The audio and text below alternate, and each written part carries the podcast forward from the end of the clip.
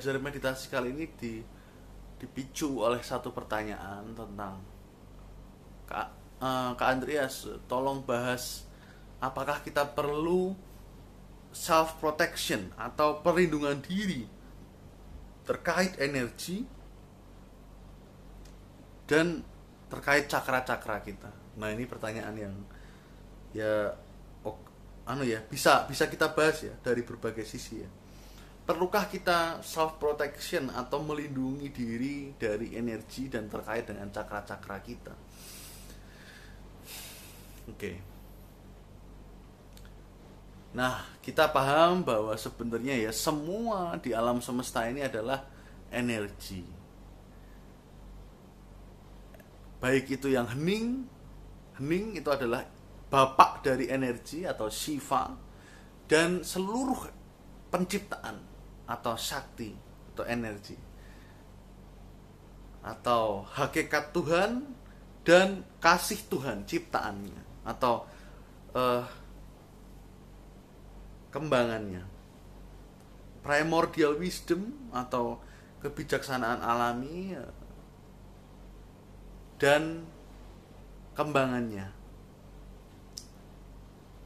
Kosong isi dan macam-macam lah cara menjelaskannya.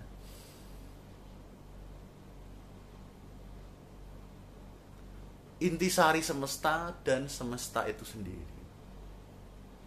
Dan keduanya itu tidak bisa tidak bisa dipisahkan. Jadi dari itu kita bilang aja lah bahwa semuanya adalah energi.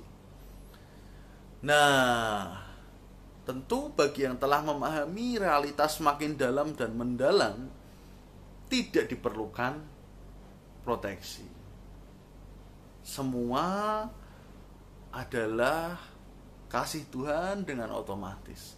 Semua termurnikan langsung secara instan ketika ia menyadari ketidakterpisahan antara seluruh energi atau disebut interbeing ya.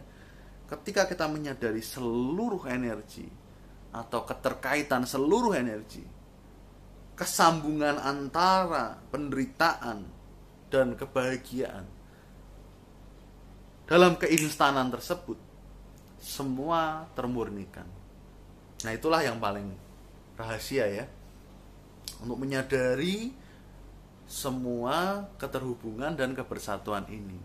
Tapi ya apabila nanti orang itu pada umumnya tidak menyadari itu, maka dia akan menyadari bahwa oh energi ini ada aku dan ada kamu, ada subjek objek. Nah, ada subjek objek kemudian dia energinya akan menggumpal di badan dia nah bentuk gumpalan itu syaraf-syaraf ini secara halus disebut cakra atau roda jadi gumpalan-gumpalan yang membuat kita stay menggumpal gini ya. Stay stay seperti ini dan ini macam-macam ya eh, bagian-bagian penting dalam tubuh energi kita ya. Anggaplah kepala dada pusar. Itu secara ilmiah telah dikaji bahwa memang bagian-bagian kita dada kepala dan pusar itu merupakan satu bagian-bagian yang cukup penting. Nah nanti kalau kita bilang cakra karena cakra itu tradisi dari India gumpalan-gumpalan energi itu ya lebih komplit lah ada kepala, tenggorokan, dada, solar plexus dan lain-lain gitu. Nanti kita bicara Cina ya uh, titik meridian kita akan bicara meridian jantung, liver dan lain sebagainya. Itu titik-titik dan pola-pola gumpalan energi. Nanti ada titik namanya marma, ada namanya latifa. Pokoknya itu intinya gini loh. Energinya itu menggumpal di titik-titik yang dianggap penting. Sini, sini, sini, sini, sini sini sini sini nah tergantung kalau cakra yaitu adalah biasanya 7 kadang 12 tapi pokoknya ya itu adalah gumpalan energi di tempat-tempat yang dianggap penting nah kalau sudah orang nanti semakin kurang paham tentang realita kebersatuan itu orang merasa oh ini aku terpisah dari anda. Aku sama kamu beda. Gumpalannya beda. Nah semakin beda semakin tidak menyadari satu kemurnian yang instan itu. Nah semakin nggak menyadari semakin orangnya itu nanti akan menciptakan kemelekatan dan penolakan. Energi yang disuka melekat. Energi yang tidak tidak disuka secara batin menolak makin muncul energi kemelekatan dan penolakan itu. Semakin nanti nggak nggak match menolak. Semakin match melekat. Terus dan itu akhirnya muncullah friksi energi atau gesekan energi karena kemelekatan dan penolakan itu. Terutama penolakan ya makin muncul friksi. Dan friksi itu menimbulkan ya imbalance ketidakseimbangan. Nah makin ada friksi bahwa aku sama kamu berbeda. Kemudian energinya nggak cocok. Nah di situlah kita makin membutuhkan proteksi.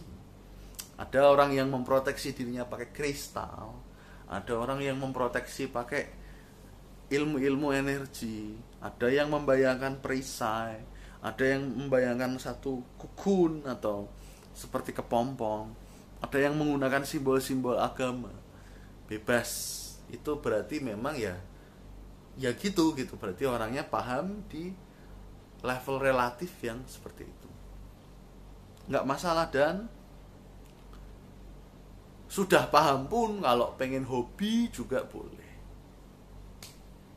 Gitu. Nah caranya memproteksi ya lewat macam-macam lah. Pakai bantuan benda doa simbol-simbol. Yang penting pokoknya intinya dia ada satu rasa dan niat bahwa dia adalah membentuk sebuah perisai di sekitar tubuh kita.